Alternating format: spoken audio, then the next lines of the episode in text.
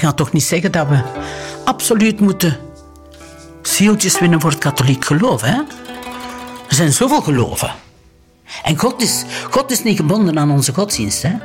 God is toch veel, veel, veel groter. Niemand van ons kan beseffen hoe groot hij is. Ik toch niet.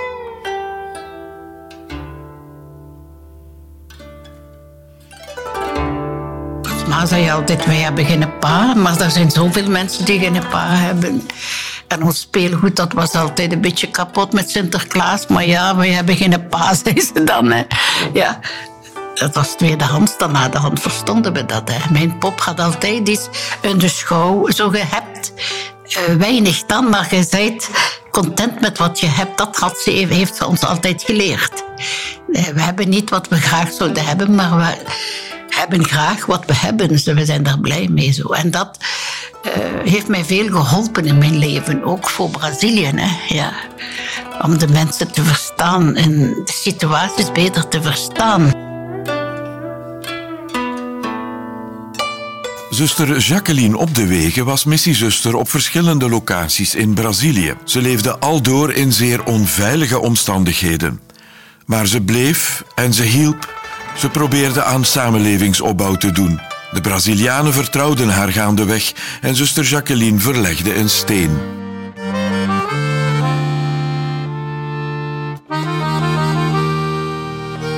Eerst hoorde uw zuster Caroline Boermans. Zij trok voor vele, vele jaren naar Hongkong. Ze zag er de talloze Chinezen arriveren die op de vlucht gingen voor het regime van Mao Zedong. Ze bleef, leerde de taal, deelde het leven van de armen en bleef tot ze wel terug moest komen. Dit is de zevende aflevering in de reeks over en met de zusters van de jacht. Met zusters Jacqueline Op de Wegen en Caroline Boermans. U luistert naar Radio Kerknet en ik ben Leo August de Bok.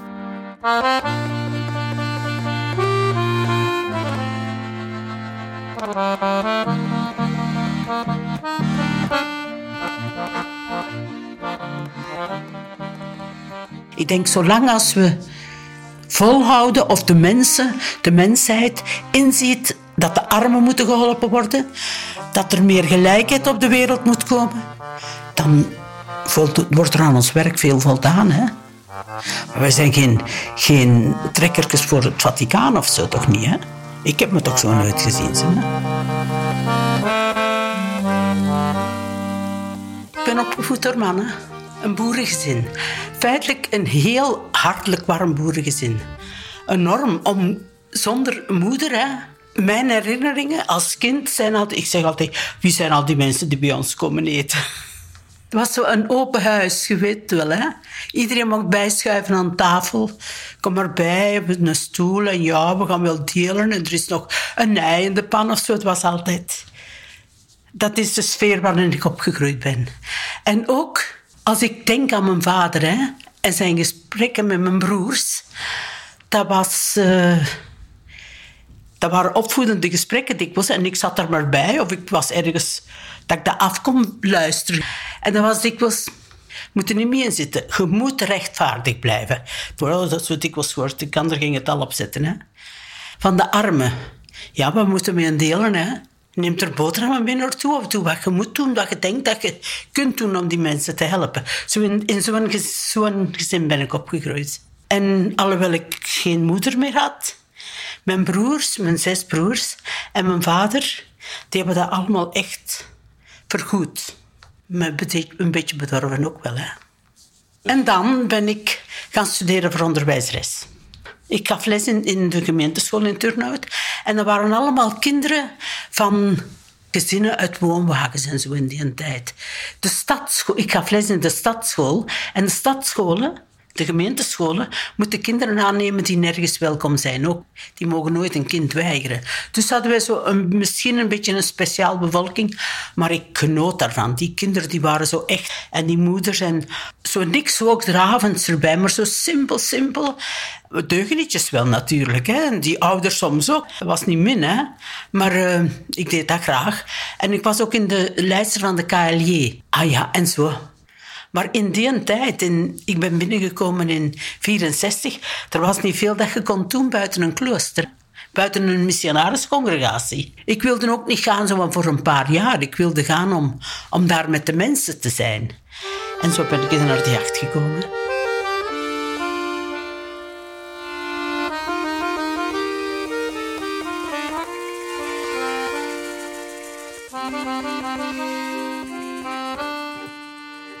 Heb altijd iets daartegen gehad, zo tegen klooster. En zo, alhoewel ik in een school gaf, les gaf waar zusters waren.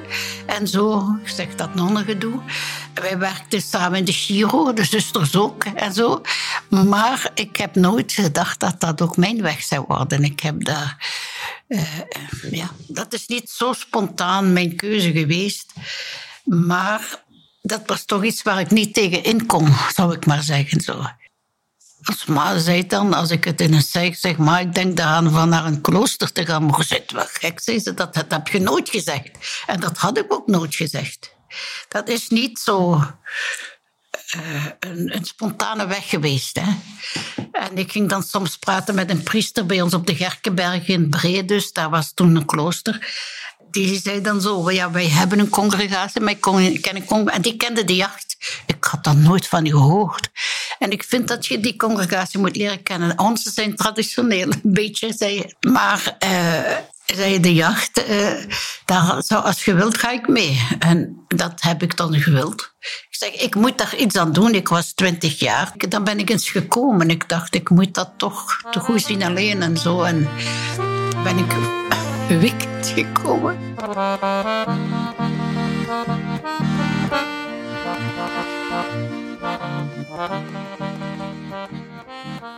Als kind was ik altijd geïnteresseerd in het Ver Oosten.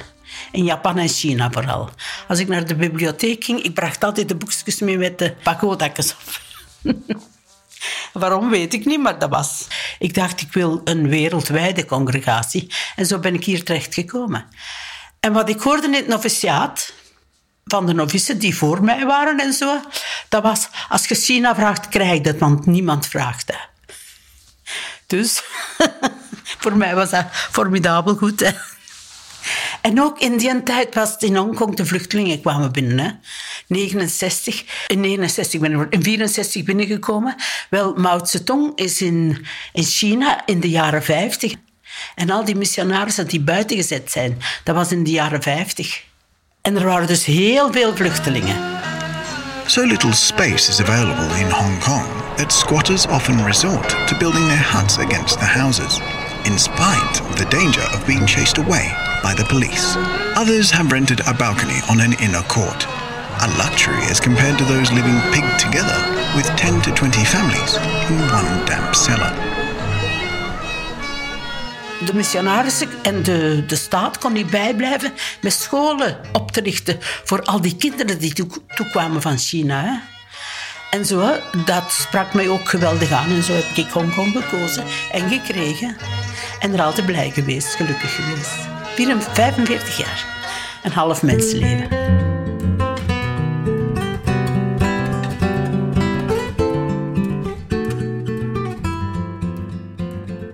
vraag voor Brazilië is niet van mij gekomen. Dat is gevraagd. Dus uh, je mocht kiezen en je mocht, je mocht drie voorkeurlanden opgeven. Ik had niet aan Brazilië gedacht, want dat was nog niet lang begonnen in die tijd. En dan uh, moeten speciale mensen naartoe gaan. Het waren de eerste. Dus ik zeg, dat is niet voor mij. ik ben gewoon een burger. Hè? En, maar dan vroeg de algemene overste, uh, zegt dus Brazilië niet en zo, ja je kent het niet, maar ja, toen moest je veel minder dan nu, maar we hadden toch al televisie en zo. Hè, dus nee, we hadden radio thuis, televisie, denk ik. Ik wist dat ik, ik was leerkracht en ik gaf graag les. Maar ik wist dat ik dat daar niet zou doen omwille van de taal. Je spreekt de taal nooit volmaakt juist. En voor een lagere school toch niet. Dus dat kon toch niet. Maar ja, ik zeg, uh, ik was in de Giro, dus ik zeg parochiewerk, dat ligt mij wel. Want dat deed ik zoveel mogelijk, ook met jeugdwerk en zo. Uh, altijd tegen de pastoren. En. We hebben dat, ik had daar veel ervaring mee, zo met mensen omgaan om ook te bekomen wat wij uh, wilden, zo met de jeugdraad. Ik heb dat allemaal graag gedaan. Ik denk, borggewerk, dat ligt mij. En dat heb ik ook al die 50 jaar gedaan bijna. Bij de mensen thuis zijn, zo, dan kan ik ze ook naar mijn huis vragen, dan kunnen ze ook bij ons thuis zijn. En wij hadden altijd open huis, dat, zodat ze altijd konden komen mee eten als er verdeelden. Zo. Bij arme mensen kwam het altijd toe, ze verdeelden het zo. Hè. En dat leert je dan toch wel echt. En ik herkende dat van thuis ook, maar wij waren maar met drieën. Maar ja, het werd ook geteld. Hè. Een half en een half banaan en een half dit en een half dat, ja.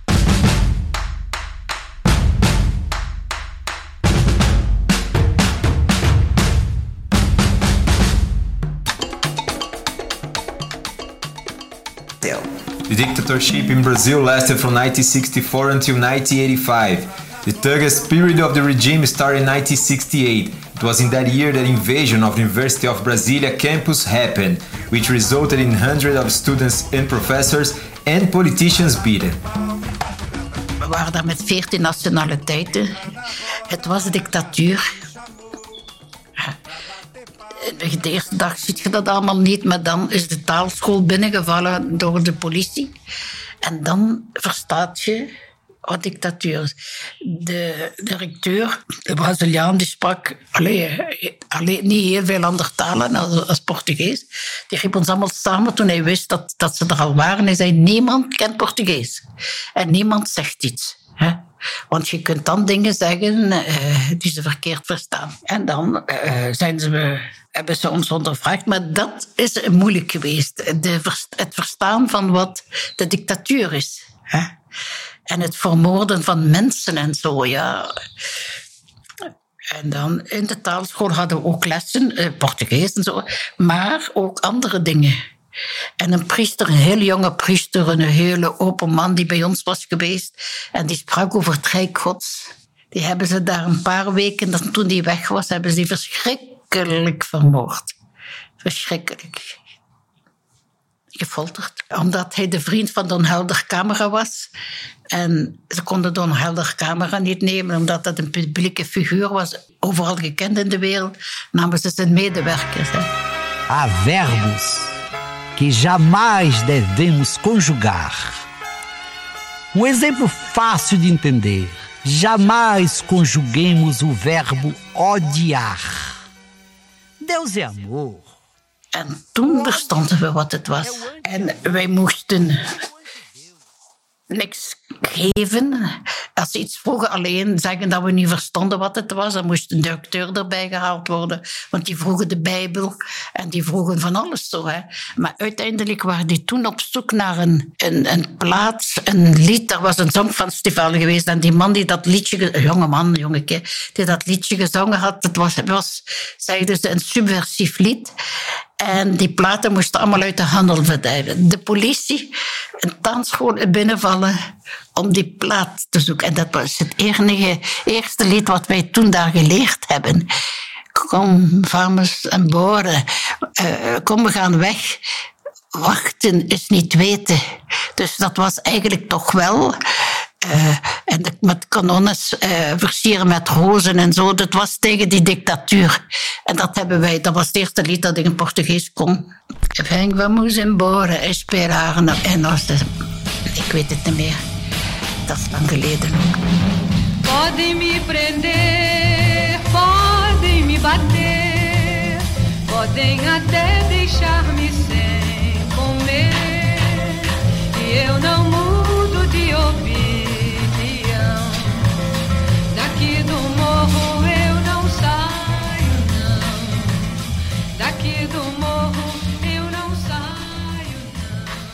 ben beginnen, begonnen met les te geven in het Chinees. Maar die catechese, dat was om maar weg te lopen. Als lieve heer is nu precies geen boeman. Hè. Je moet er dan ook geen van maken. Hè. Dat was verschrikkelijk. En ik zei tegen Jerome Hendricks... Jerome Hendricks, hier de directeur van uh, het ver, verbiscentrum... Ik zeg, Jerome, zo kan ik geen les geven. Ik ga ik zelf mijn lessen klaarmaken, want dat kan ik niet doen. Zo, I'm sorry. Dat komt uit mijn mond niet uit, zo'n taal over, over God en over de schepping. Dat kan ik niet. Ja, ik had het te veel gezegd waarschijnlijk. Want na een, een paar maanden zegt Jerome... Ik heb een, een groepje gevonden in Taiwan. Een medezuster van mij, Lisbeth. En dan ik. En hij zelf, voor zoveel ik kon, maar nog een confrater. En dan een Chinese priester, Yu Sanfu, en twee Chinese zusters. En wij kregen als opdracht een reeks lagere schoolboeken te maken. Te schrijven te, uit te denken eerst. Hè. Maar dat vertrekt natuurlijk vanuit een heel ander punt dan hier in België. Hè. Wij begonnen van de schepping, hè, want 3% katholiek, dat kun je toch niet... Dat is niet evident, hè?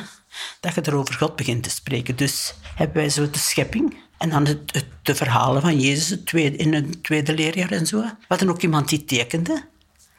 En ja, dat is zo gegroeid en die boeken worden nog altijd gebruikt. De titel vond ik ook goed. Woodlik Chongpoi in Chinees. En dat wil zeggen Fully Alive.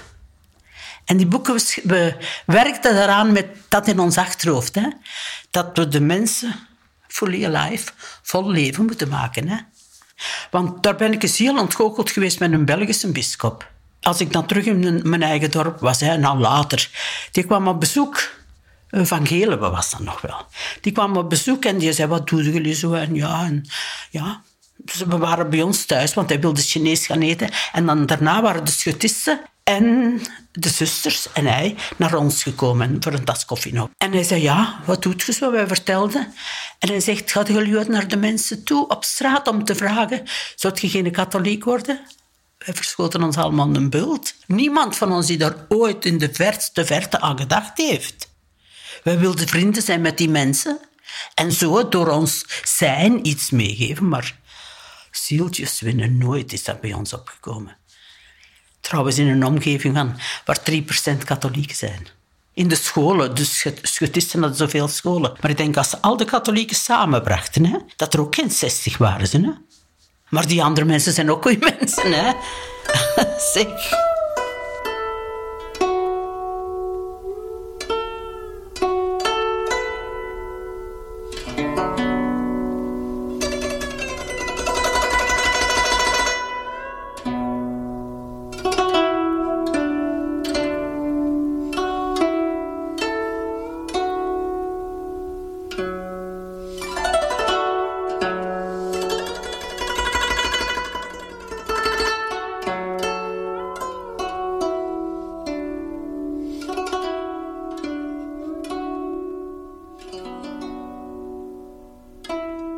Was een van de eerste ervaringen ook. Als ik na de taalschool hè, kwam ik in een heel klein vissersdorpje terecht.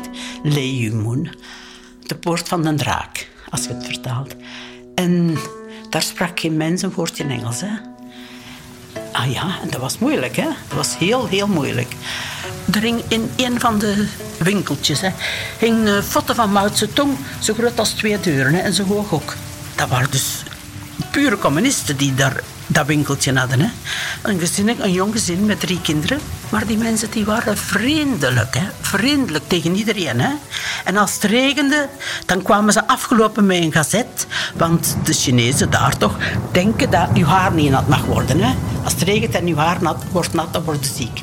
Dus die kwamen af met een gazet. Als ik in de paraplu had, dan moest die gazet boven je hoofd houden tientallen keren is dat gebeurd. Ik zeg, dat kan toch niet dat dat slechte mensen zijn, zeker alleen. En dat de hemel alleen maar voor, voor de katholieken zou zijn. Terwijl meer dan de helft niet katholiek is in de wereld. Dat kan toch niet, hè? Zo, dat was mijn eerste constatatie, dat, dat het christendom... Ah ja, en het Westen. Want de Westerlingen die kijken nogal neer op de rest van de wereld. Enorm. En dat ondervind je als je daar bent. Ondervind je zo'n ding. Ondervind je ook de schoonheid en de goedheid van de mensen zelf, kinder. Die moeten geen katholiek zijn, dat komt er niet op aan.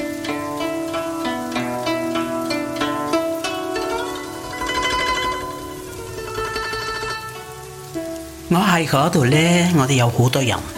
Ja, maar ja, je had je tune le. Je gaat 如果系好少，都有好多好多人，或者三千或者几千啦，就。嗰啲人你當然唔唔識晒噶啦，不過幾個你你知咧，有啲你唔識啦，不過慢慢慢慢你就都會做朋友啦，就佢哋都會知你點解嚟嗰度，佢哋好多時都會問，特別細路仔會問你，你點解嚟呢度啊？係咪你嘅國家係咪咁敢攻嘅咩？？Wat ik nu gezegd heb is, ik woonde in een heel klein vissersdorp en de mensen, die waren, er waren veel mensen, die kleine vissersdorpjes, dat waren nog dorpjes van 4.000, 5.000 mensen. Hè? Een klein dorpje is 4.000 of zo, maar daar waren dat... Leomoen was misschien iets minder, maar toch. En ja, we kenden al die mensen niet, maar die zochten wel contact met ons ook. Hè. We hadden daar een kleuterklasje, een, een lokaaltje met kleuterklasje. Daar kwamen de kinderen naartoe, dan leert je de ouders kennen. En dan zeggen die mensen, waarom zijn je feitelijk naar hier gekomen? Dat is dikwijls gebeurd. Hè? Waarom zijn je naar hier gekomen? Is jullie land zo'n arm land dat jullie hier moet komen werken? Nee, wij zijn niet zo warm, maar... Uh... Dus ergens was dat goed, was ik er altijd een beetje blij mee. Want dat wilde toch zeggen dat we er niet zo rijk uitzagen.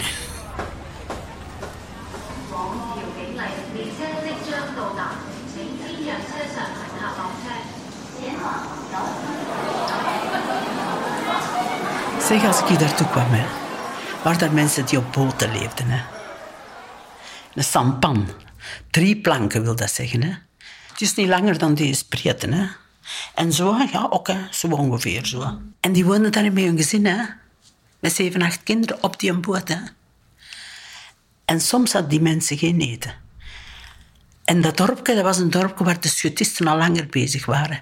En die hadden voor een van die mensen, die zijn vrouw in het kinderbed gestorven was, een andere boot gekocht omdat die mensen, die had acht kinderen, die kon zijn kost niet verdienen als ze dat niet deden. Dus op dat gebied waren er armen, ja zeker. En dan in die andere vissersdorpjes, waar de schutisten een schooltje gebouwd hadden en waar ik alle maanden naartoe moest om, om te tekenen, papieren voor, uh, voor het education department en zo. Wel, die waren arm. Als ik naar daar ging, dan ging ik ook voor de kinderen natuurlijk, dan nam ik altijd een zak eten mee. Ik zei, ik ga komen, ik kan je tracteren. Hè. En ze waren dan, dat was natuurlijk plezant, hè? maar ze moest, je moest iets terugnemen. Hè? Ik herinner in dat dorpje daar waar ik naartoe ging met een boot, elke maand, elke maand een keer, dat ik uh, op de boot zat en die mensen komen af en ze zeggen: Zeg, Sebes, hè? Tegen de, tegen de vis, tegen de, die de boot had. Hè? Sebes, hè, moet jij iets meenemen? Je moet wachten op ons. Weet je wat die afkwamen? Met een kieken, alsjeblieft. Want ik had gezegd, jullie eieren, dat zijn lekkere eieren. Ja, dat is te veel gezegd. Dan denken ze dat zij u eieren moeten geven. Maar een ei geven, dat is niet genoeg. Dat is rap op. Dus ze gaven een kiek. En zo van die dingen. Maar dat is enorm, die arme mensen. Hè? Dat die, je geeft iets, maar die willen absoluut iets teruggeven. Dat is met hun heel hard. Hè? Als ik dan in het tweede vissersdorp gewoond en dan een klein beetje groter was. Als ik denk aan, als wij iets hadden, rond de kerk, daar stonden een beetje boompjes.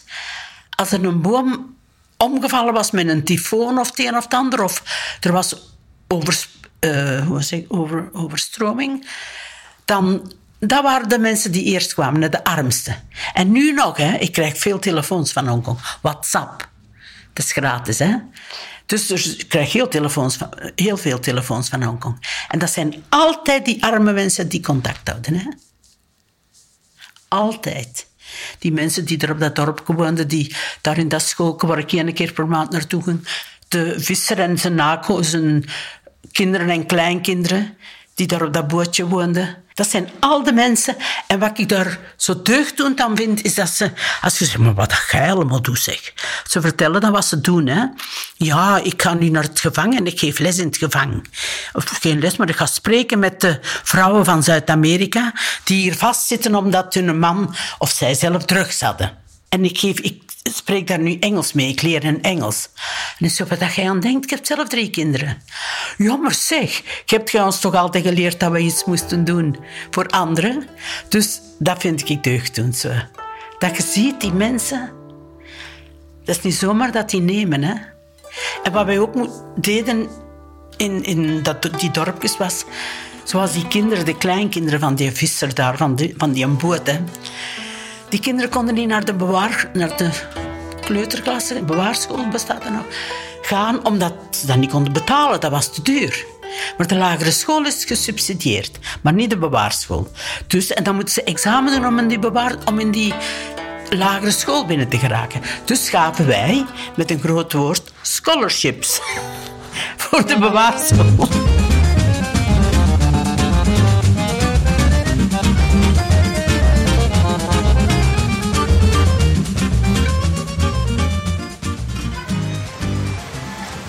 Ik was in een stad waar ik nooit geweest was en ik was de weg kwijt. Ik was van de bus afgestapt en in de verkeerde richting en ik moest terug en ik wist het niet. En ze hadden ons in de taalschool ook gezegd, ga nooit naar de politie, vraag niks.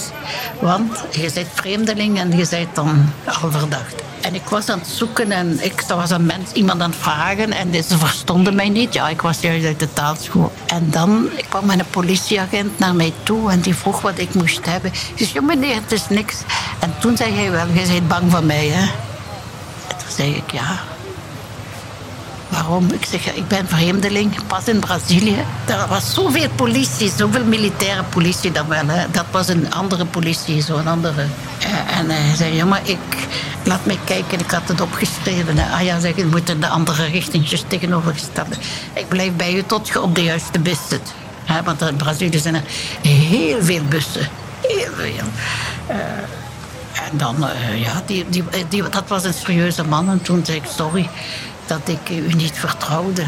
Ja, zei, maar ik heb ook de dictatuur meegemaakt. Vergeet het niet, ik weet wat het is. Zo ben ik in Brazilië geweest. Maar ja, het is helemaal opnieuw beginnen. Maar dat wisten we ook wel. Hè. Dus je wordt er een beetje op voorbereid. Maar het is nog totaal anders dan dat je jezelf indenkt. Ja.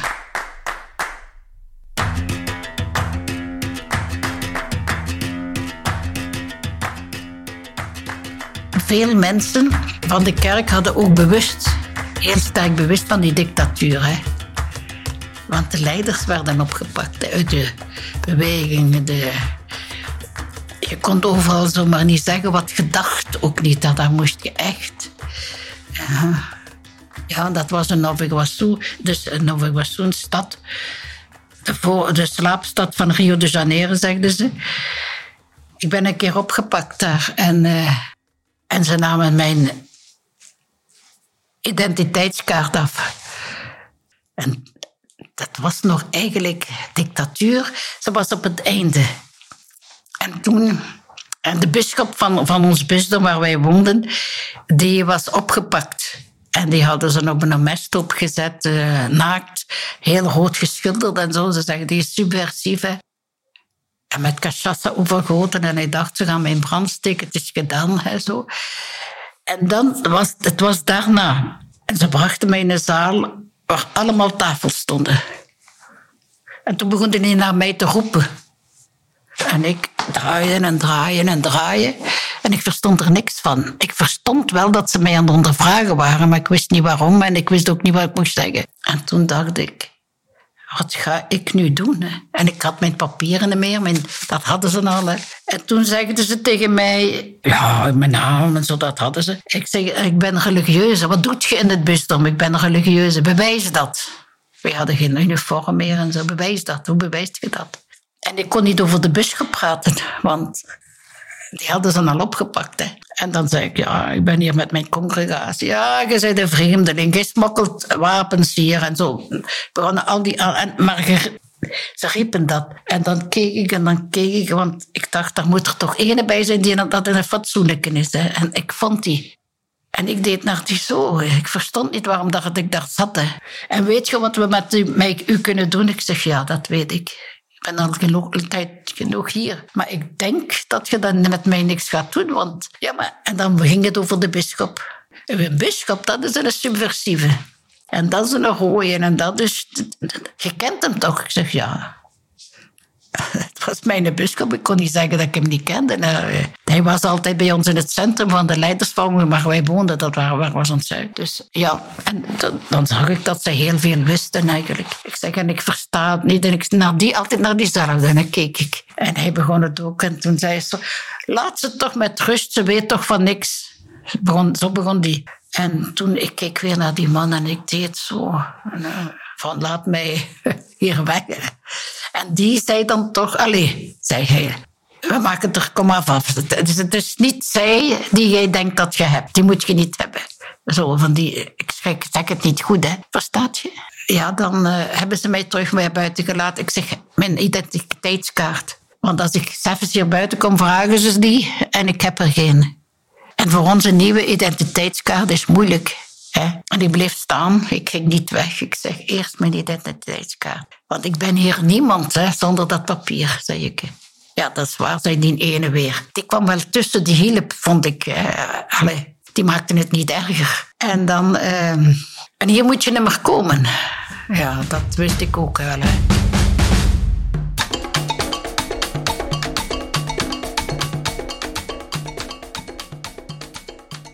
Ik denk dat wij toen beantwoord hebben aan een nood van de tijd. Hè? Nu is dat toch wel heel anders. Hè?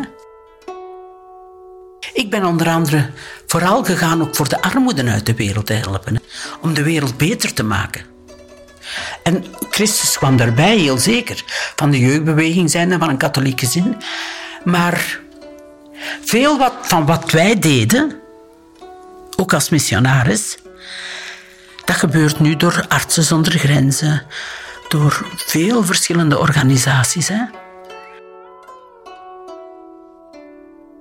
Ik kreeg dus in het hospitaal bezoek van een dame die ik gekend heb als, nog, als ze nog kind was. En die, die zei, Pak Sao Lui, dat is mijn Chinese naam. Weet jij wat jij hier in dat dorpje gedaan hebt? Dat is, jij hebt ons terug een waardigheid gegeven. Niemand keek naar ons om. We waren voor iedereen te veel. De priesters kwamen niet, want het dorp was te ver. En dit was te ver en dat. De onderwijzers kwamen niet, want het was te moeilijk om hier te geraken. Maar jij hebt ons terug een waardigheid gegeven, zegde zij. En dat is het grootste compliment dat ik ooit gekregen heb.